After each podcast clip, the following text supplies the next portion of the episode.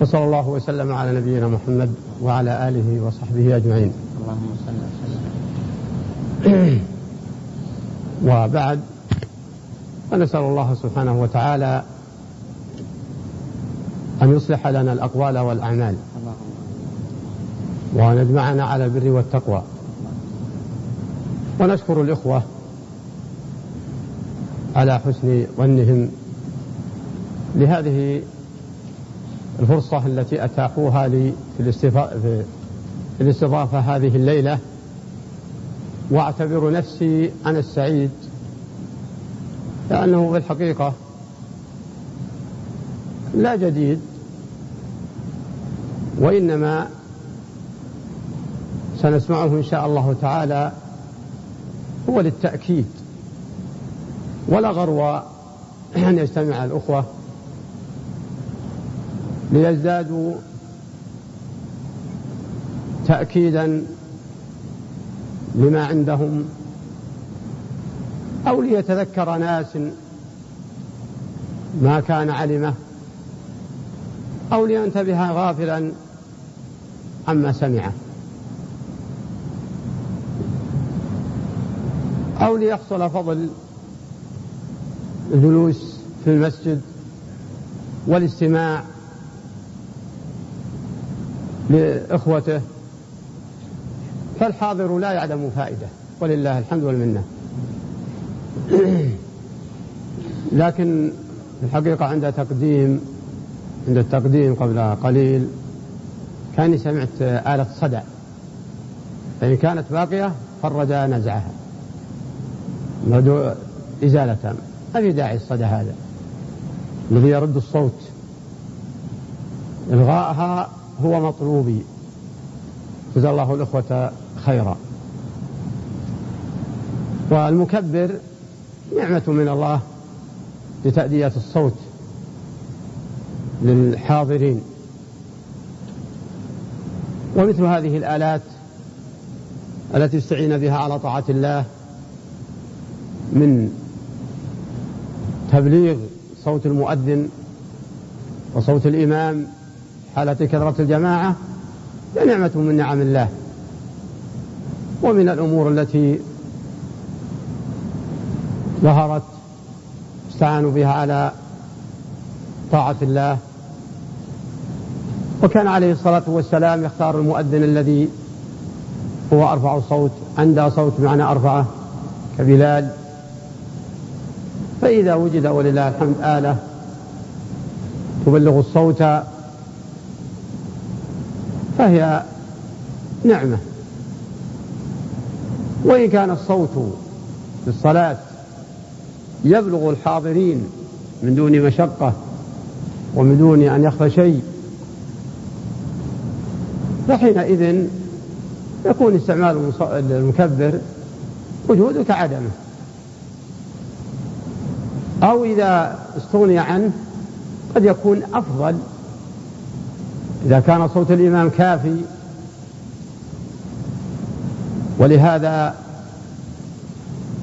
قال العلماء في حكم رفع صوت الإمام بقدر ما يسمع المصلين. فكل ما كثر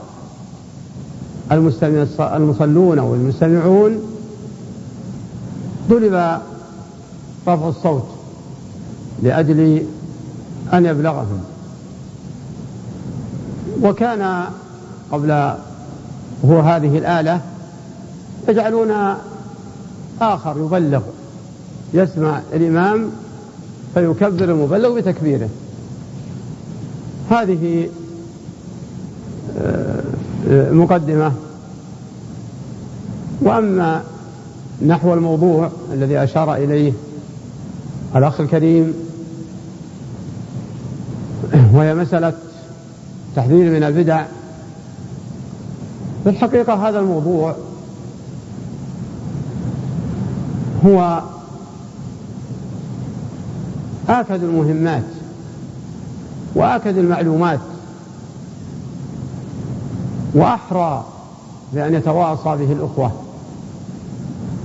وهو التحذير من البدع. ولا سيما في مجتمع كمجتمعنا كمجتمع المملكة العربية السعودية ولله الحمد والمنة. فالجدير بمثل هذا المجتمع التواصي بكل تأكيد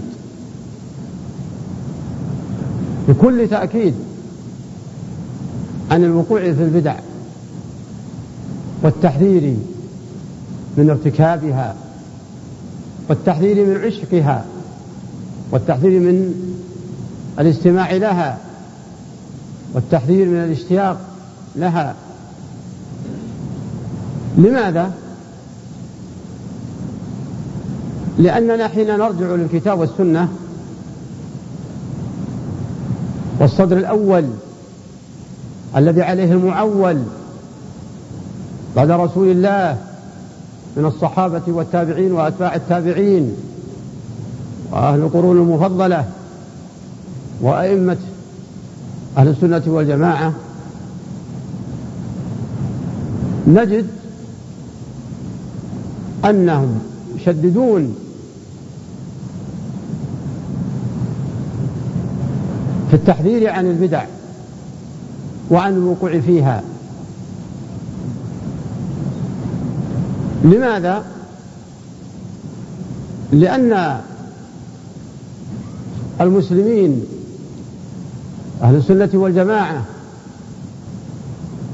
سلكوا طريق محمد عليه الصلاة والسلام الذي دعاهم إليه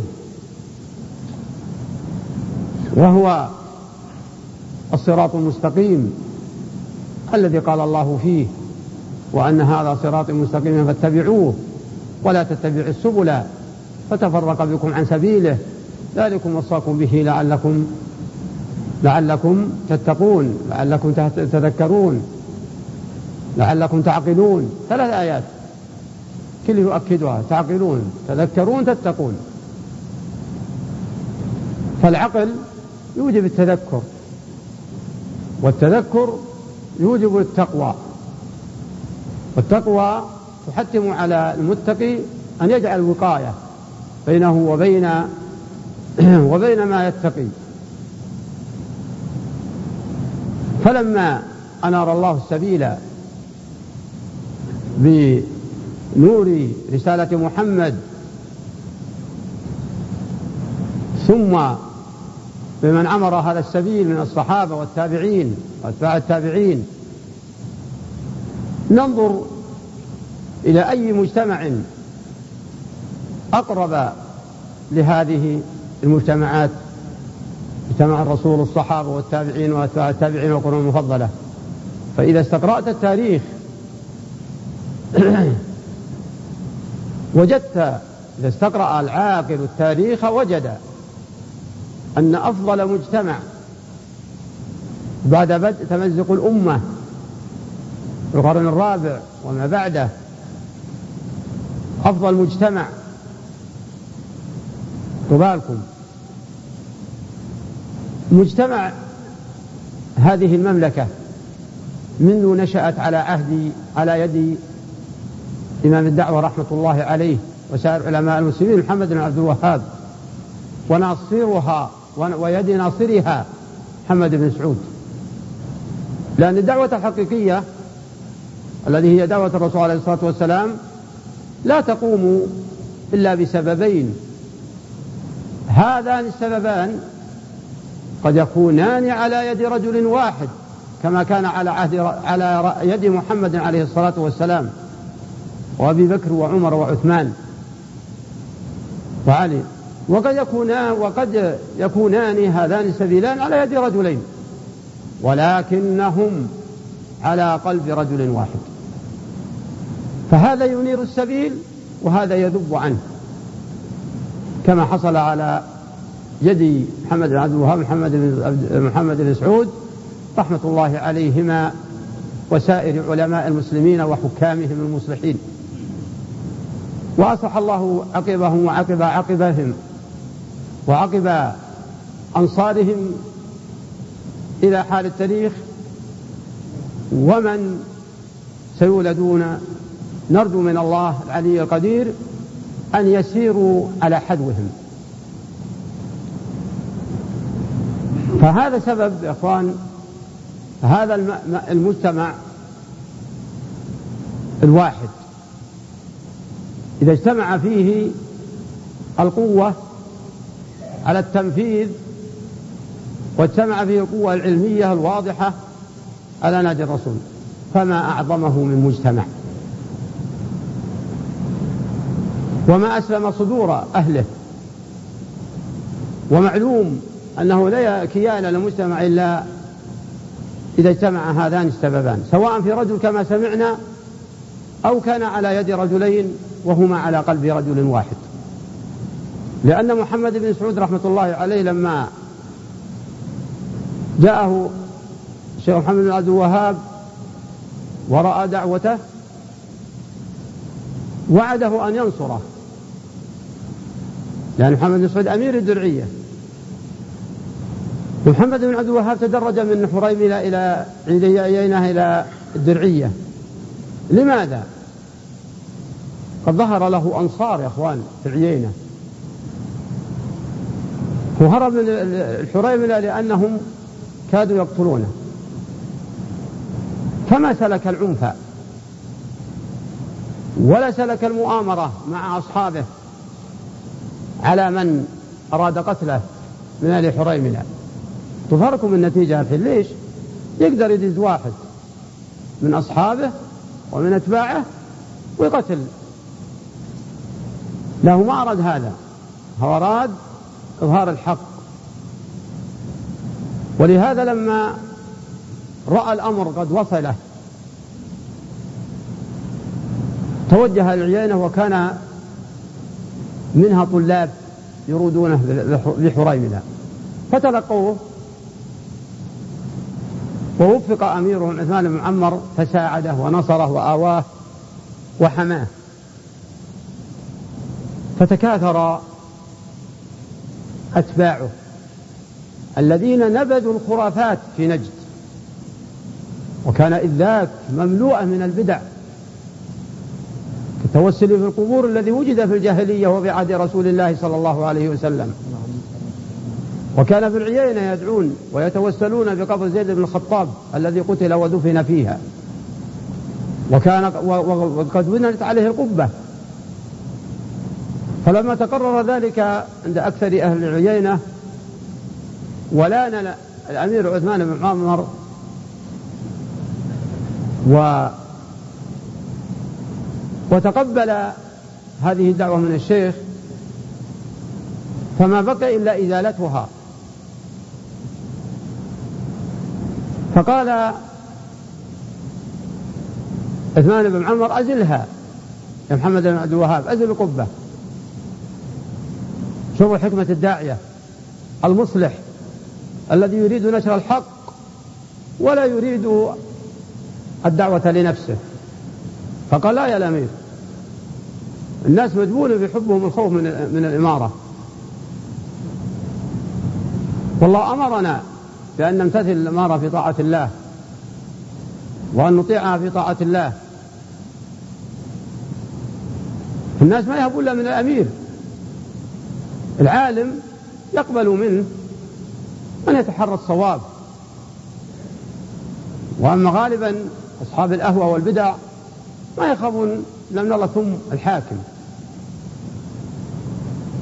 فقال عثمان معمر لا أنت اللي هدها. فقال محمد عبد الوهاب نعم أنا أتولى هدها بيدي لكن احن ظهري عن العامة.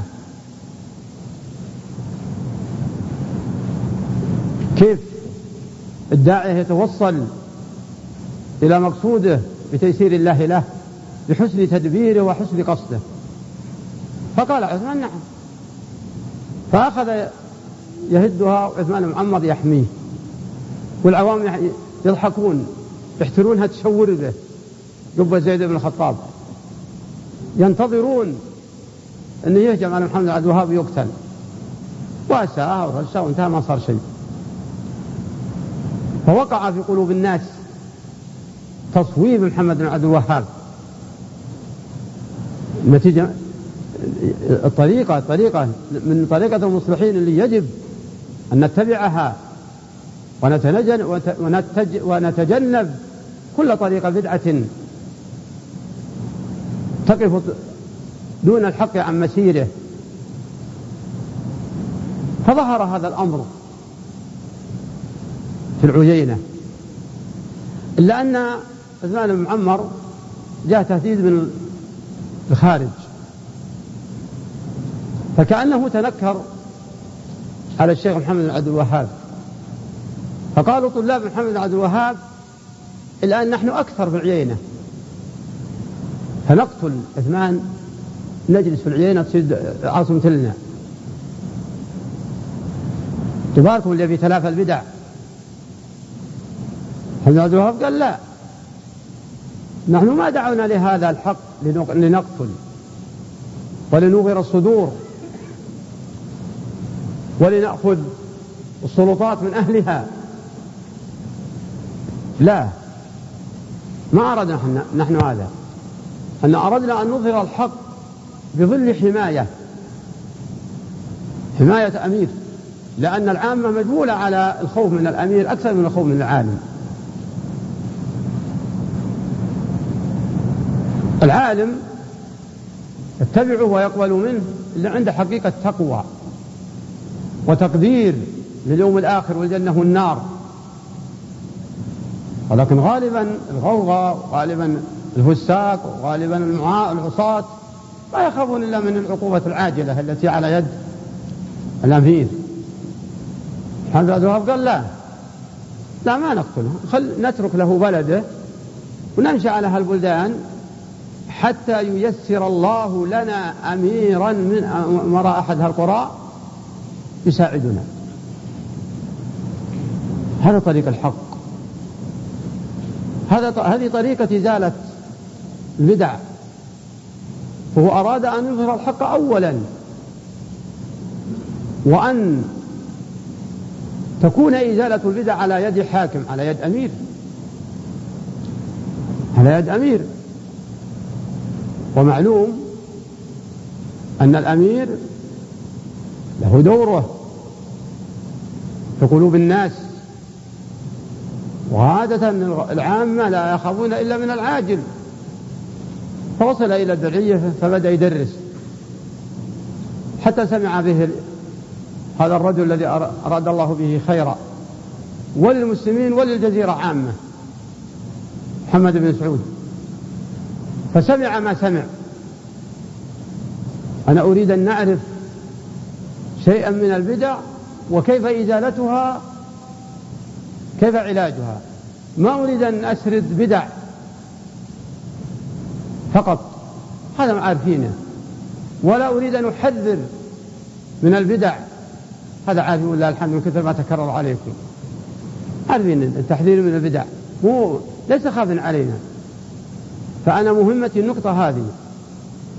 وطبعا الدرعية فيها ما في سائر القرى نجد من الجهل والتوسل. يعني اللي كان في الجاهلية على عهد الرسول عليه الصلاة والسلام كان موجود. دعاء الصالحين الصالحين الأموات. حتى يذكر خرافات. قد قيل ما قيل.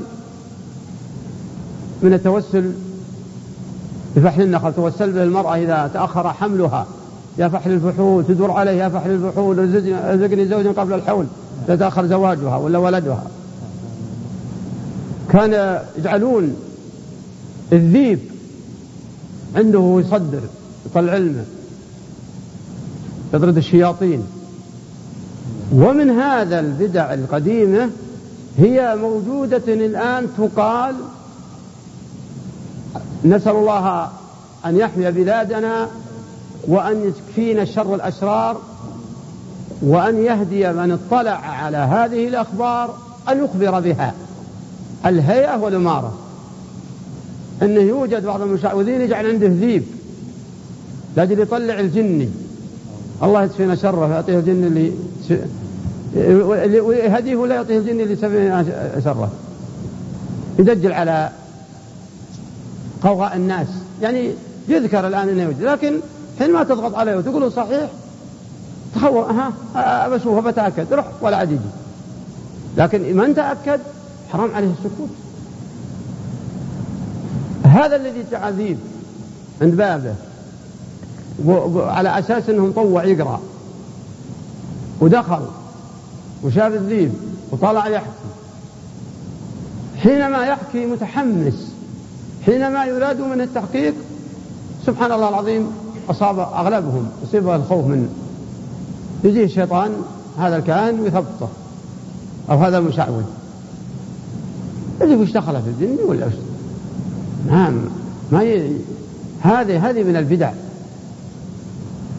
هذه من من البدع. بعد ذلك وفق هذا الأمير. فقال محمد بن سعود محمد بن عبد الوهاب إذا كان هذا الأمر حقيقة ليش إحنا نسكت؟ قال محمد بن عبد الوهاب وش نعمل؟ أنا ما بيدي إلا النور البيان. والعصا بيدك حتى اللي بيدك تغير وتبدل. هكذا يا إخوان المصلحين. هكذا سيرة المصلحون العلماء. يعتبرون أبوابها. لا يأتي يكابر الأمير ولا يأتي يغر صدور الرعية على الأمير. هذا يزيد بلاء يزيد بدعه بدعة. يأتي رحمة الله عليه ويتكلم على البدعة من حيث كونها بدعة ومن حيث كونها مخالفة. فمن سمعه؟ إما أن يتعظ وإما أن يسكت. وإن سمعه الحاكم إما أن يتشجع. فينفذ بالقدرة التي أعطاه الله إياها. ويزيل المنكر حيث جعل الله بيده السلطة وإما أن يسكت. عن هذا يبين فينقاد من ينقاد من الأفراد ويأبى من يأبى. فيكون هذا المصلح هذا المصلح عمل خيرا ولله الحمد وبذل ما عنده وسلك الطريق الذي سلكه الرسول عليه الصلاة والسلام في خلال ثلاث عشر سنة في مكة. ما كان يقول لأهل مكة إلا قولوا لا إله إلا الله. واتركوا ما يعبد آباءكم. ولم يروا أن الرسول عليه الصلاة والسلام كسر سنما في مكة. ولا أزال وثنا. ولا سب رئيسا من رؤسائهم. ولا قام يلقي في أتباعه في أتباعه الحقد والتنكر عليه. ما رؤيا. وإنما يقول قولوا لا إله إلا الله. فيقولون يا محمد تريد بنات؟ تريد مال؟ قال قولوا لا إله إلا الله تفلحوا. فإن أطعتموني هذا ما أمرت به وإلا فبيني وبينكم الله. ما رأيكم بطريق هذا الإصلاح؟ وهكذا سلك المصلحون من بعده. جميع العلماء من بعده. من أشهرهم الإمام أحمد رحمه الله. فإنه ثبت يدعو إلى أن القرآن كلام الله وأنه غير مخلوق. فيقول لا تبا انزع يد الطاعة من هذا من هذا الحاكم الذي يجبر الناس. فيقول قولوا إن القرآن مخلوق. فيقول علي رضي الله عنه الله لا. لا ما ما قلنا يقول لا ويهز لا لا لا لا تنزع يدا من طاعة. لا تنزع يدا من طاعة حتى يستريح بر ويستراح فاجر الإمام أحد مو بقدر البدع. هو ما سكت عن البدعة. فتكلم وقال أن القرآن منزل غير مخلوق. وش رأيكم هذا؟ إنكار البدع ولا ما هو إنكار رايكم يا إخوان؟ أنتم الحاضرين إنكار طيب برئت ذمته ولا ما برئت؟ طيب هل يحتاج أن يقوم ويقول ثوروا على المأمون ولا على الواثق؟ أن يلقي في صدورهم الحقد لا فقال لا تنزعوا يدا من طاعة ويقول لا تسفكوا دما حتى يستريح بر ويستراح من فاجر هل هل الإمام أحمد جاء بهذه السيرة من كيسه؟ ولا خايف؟ ولا مباحث؟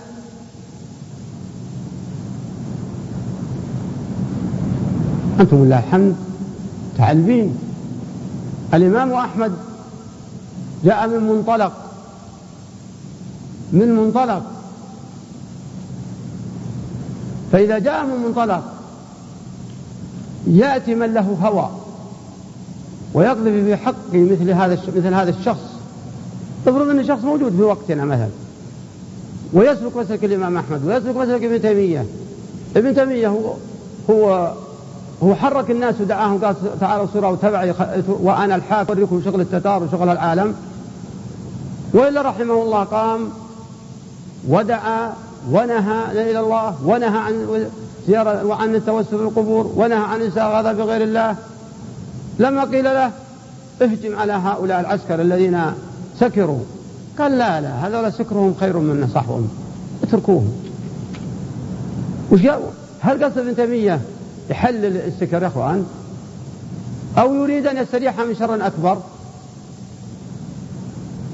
هل الإمام أحمد يبيح القول بخلق القرآن؟ طيب هل الشافعي لما أراد المأمون يضرب على قول بخلق القرآن ثم يهرب من بغداد هل هو هل هو معترف الشافعي بحقيقة القول بخلق القرآن؟ هو معترف يقدر واحد منكم يقول إنه معترف الشافعي؟ ما يقدر واحد منكم يقوله لكن ما يريد رحمة الله عليه بأن يوجد بدعة أخرى تضاف إلى هذه البدعة وهو المنازعة وسفك الدم والقتل والقتيل فسلم على عقيدته وهرب من بغداد. هكذا محمد بن عبد الوهاب في نجد فقال الحاصل محمد بن سعود قال ليش؟ ليش أنت؟ قال أنا ما بيدي شيء أنا بيدي استراج والعصا بيدك وأنت الحاكم. فوفقه الله. فقال امدد يدك إنك ما عاد تروح لحريم لا إذا انتصرنا. قال الرسول شوف الداعية. قال الرسول عليه الصلاة يقول محمد بن وهاب الرسول لما هاجر من مكة إلى المدينة حرم الرجوع إلى البقاء في مكة حرم الإقامة في مكة. فمن هاجر من بلد من أجل معاصيها ما عاد يجوز يرجع. أنا وين أروح؟ هذه روحات قال له طيب ما يقول محمد ما تمنعني من الضرائب. كان من أول أمراء نجد. اقرأوا التاريخ أخوان لا تقتصروا. يا المتعلمين يا أهل التفتح يا من تريدون الخير لا تقتصروا. على مجرد سماع من فلان لأنتصر على فلان أو لأدحض به حجة على فلان أو لأكسب من حجة على فلان. هذا ليس بتعلم هذا قد يكون وبى عليك أيها الشخص. تعلموا يا عباد الله. وقلنا نتعلم بسير الأولين. كان ما عندهم ما عندهم إلا ضرائب. منين الأمير مال؟ يصلح به المصالح الخاصة. إلى اجراء الشخص راح وأخذ على زكاته ضريبه والثاني يأخذ عليه لا لا إذا جاء منا ولا منا يأخذ من ماله. فقال محمد بن عبد الوهاب لا ما تمنعني. قال أما الضرائب شوف الجواب المصلح. ما قال لا تهبى نبي نمنعك قال أما الضرائب فسيغنيك الله عنها بالزكاة. فقال الله وجبت. فأغناه الله عنها بالزكاة. وأما الذهاب روح. فتبايعا على محو هذه الخرافات وعلى نشر كلمة التوحيد وعلى الدعوة إلى لا إله إلا الله وتحقيقها. فلهذا رفعت هذه الراية بهذا المكان ففسر, ففسر بعض العلماء رؤيا للرسول عليه الصلاة والسلام. طيب واحد منكم يقول ما هي الرؤيا؟ ما ما في أحد منكم يسأل؟ أو عارفينها ولله الحمد. ما هي الرؤيا اللي رآها الرسول؟ أحد منكم عارفها؟ اللي عارفه ما يخالف يقول أنا. يعني السكوت دليل على ما في حد الرؤيا الرسول عليه الصلاة والسلام كان في مكة. وكان في غاية الأذى من أهل مكة. فرأى وكان رؤيا الأنبياء حق رؤيا الأنبياء صالح رؤيا الأنبياء حق. فرأى أنه يهاجر إلى المدينة أو إلى اليمامة. فكانت هجرته الحقيقية إلى المدينة. فبقي رؤيته للهجرة الإمامة ما فسرت. كل من مر الحديث من العلماء ما ما تجروا فلما رفعت راية لا إله إلا الله محمد رسول الله ومحيت الخرافات في نجد ابتداء من الدرعية ورفع الله هذه الراية وتوحدت قرى نجوة التشتت. ظهر تفسيرها عند كثير من العلماء المعاصرين الأحياء. أن هذه الرؤيا للرسول بأن يهاجر اليمامة إلى اليمامة أن نشر كلمة التوحيد فيها على غربة منها. توفي محمد بن سعود فيقظ الله ابنه الذي يسمونه المشايخ الإمام من بعد أبيه. ولما قامت هذه الدعوة قامت هذه الدعوة طبعا محمد عبد الوهاب هو إمام الشرعية هذا ما في كلام. لكن الإمامة الرسمية أطلقوه على محمد بن سعود. لأنه جمع بين العلم وبين الإدارة الصالحة. ليست إمارة مجرد إمارة تسلط إمارة تنفيذ للحق ومراقبة له. فسماه العلماء أطلقوا عليه الإمام. ثم من بعد ابن عبد العزيز. وهكذا غفر الله لأمواتهم وأصلح عقبهم وأيدهم بنصره وتوفيقه وجعلنا الله من المتعاونين معهم على البر والتقوى وعلى إحقاق الحق وإزالة البدع. هكذا طريقة إزالة البدع. أما تعدادها وأنواعها كثيرة. يضبطها كلما خالف الشرع. كلما خالف السنة. لكن إذا كان إذا تغلب الجانب العقدي تغلب اسم البدعة وإذا تغلب الجانب العملي اللي يعمل باليد أو بالفرج كالزنا وشرب الخمر والسرقة والضرب والغش جنبت غلب المعصية. غلب تعبير بالمعصية لأنه لا يعتقد حلها.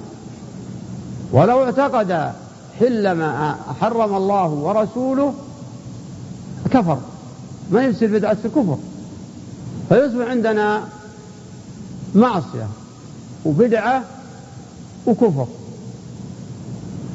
البدعة التي قد يدعيها إنها من الدين أنها من الدين وهي في الحقيقة فيها مخالفة للدين لكنها شبهة. تختلف درجاتها. وتعريفها واضح. تعريفها واضح. هو ما اعتقد أو عمل على أساس أن الديانة من سائر العبادات وهو لم يأتي به الرسول عليه الصلاة والسلام. أو أدخل في الدين ما ليس منه. فإذا ترك شيئا من الدين اعتقاد إنه عبادة. هذه بدعة. إذا فعل شيئا من الدين شيئا أساس أنه دين ولم يأتي تأتي به السنة ولا الكتاب ولا جماعة ولا المسلم أهل السنة والجماعة أن يخالف أصول الكتاب والسنة. يخالف أصول أهل السنة والجماعة هذا يسمى بدعة. مقل ومستكثر. البدعة قد تؤدي إلى الشرك. كاتخاذ القبور مصليات والتوسل بها والاستغاثة بها. كالذين خرج عليهم الرسول عليه الصلاة والسلام ويوجدون في المجتمعات الموجودة المجاورة وموجودة كما سمعتم في نجد قبل ظهور هذه الدعوة.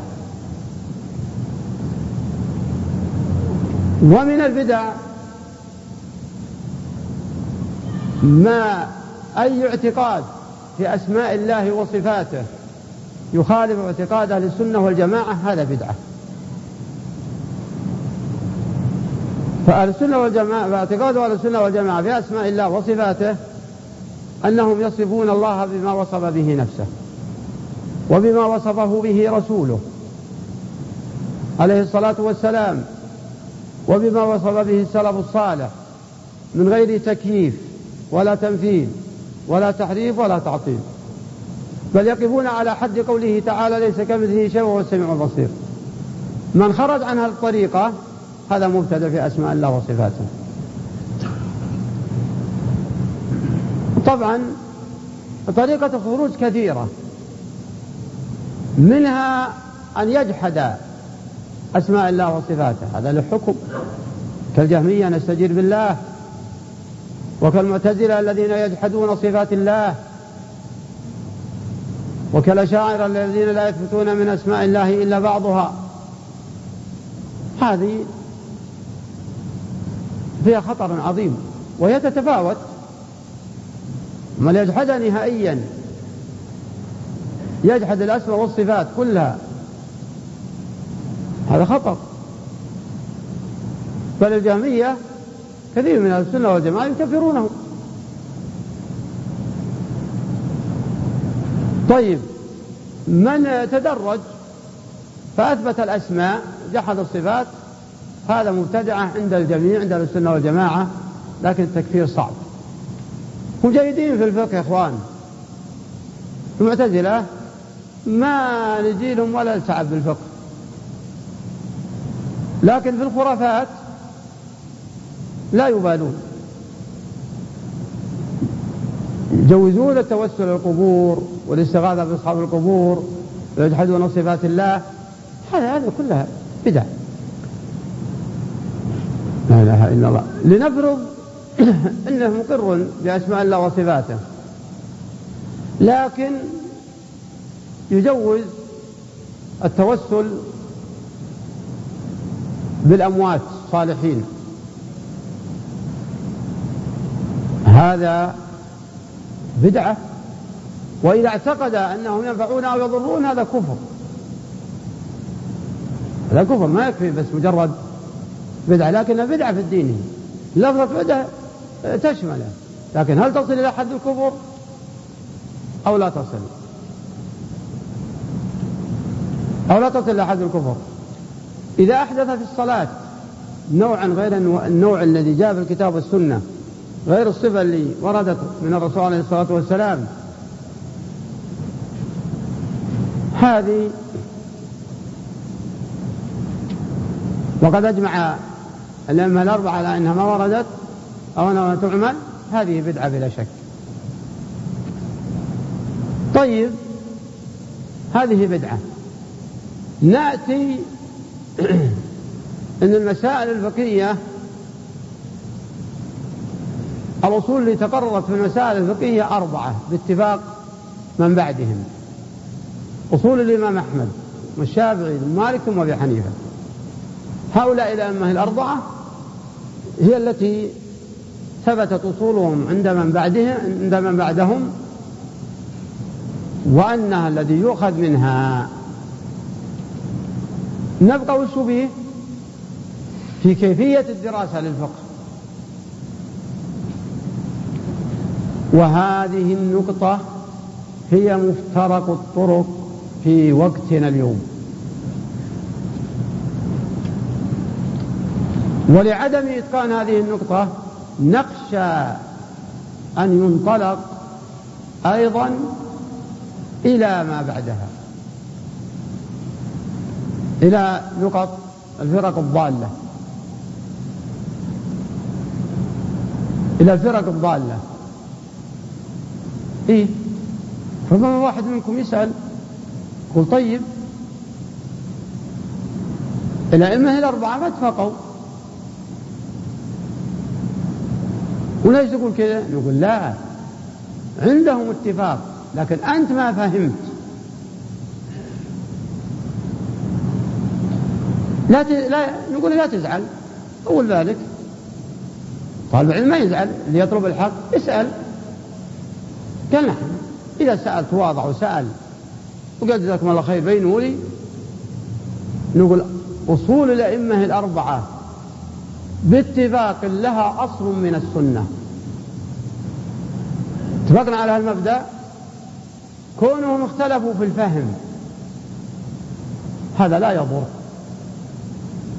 ويسمى وهذا الخلاف الذي أطلق عليه الرسول عليه الصلاة والسلام الاجتهاد.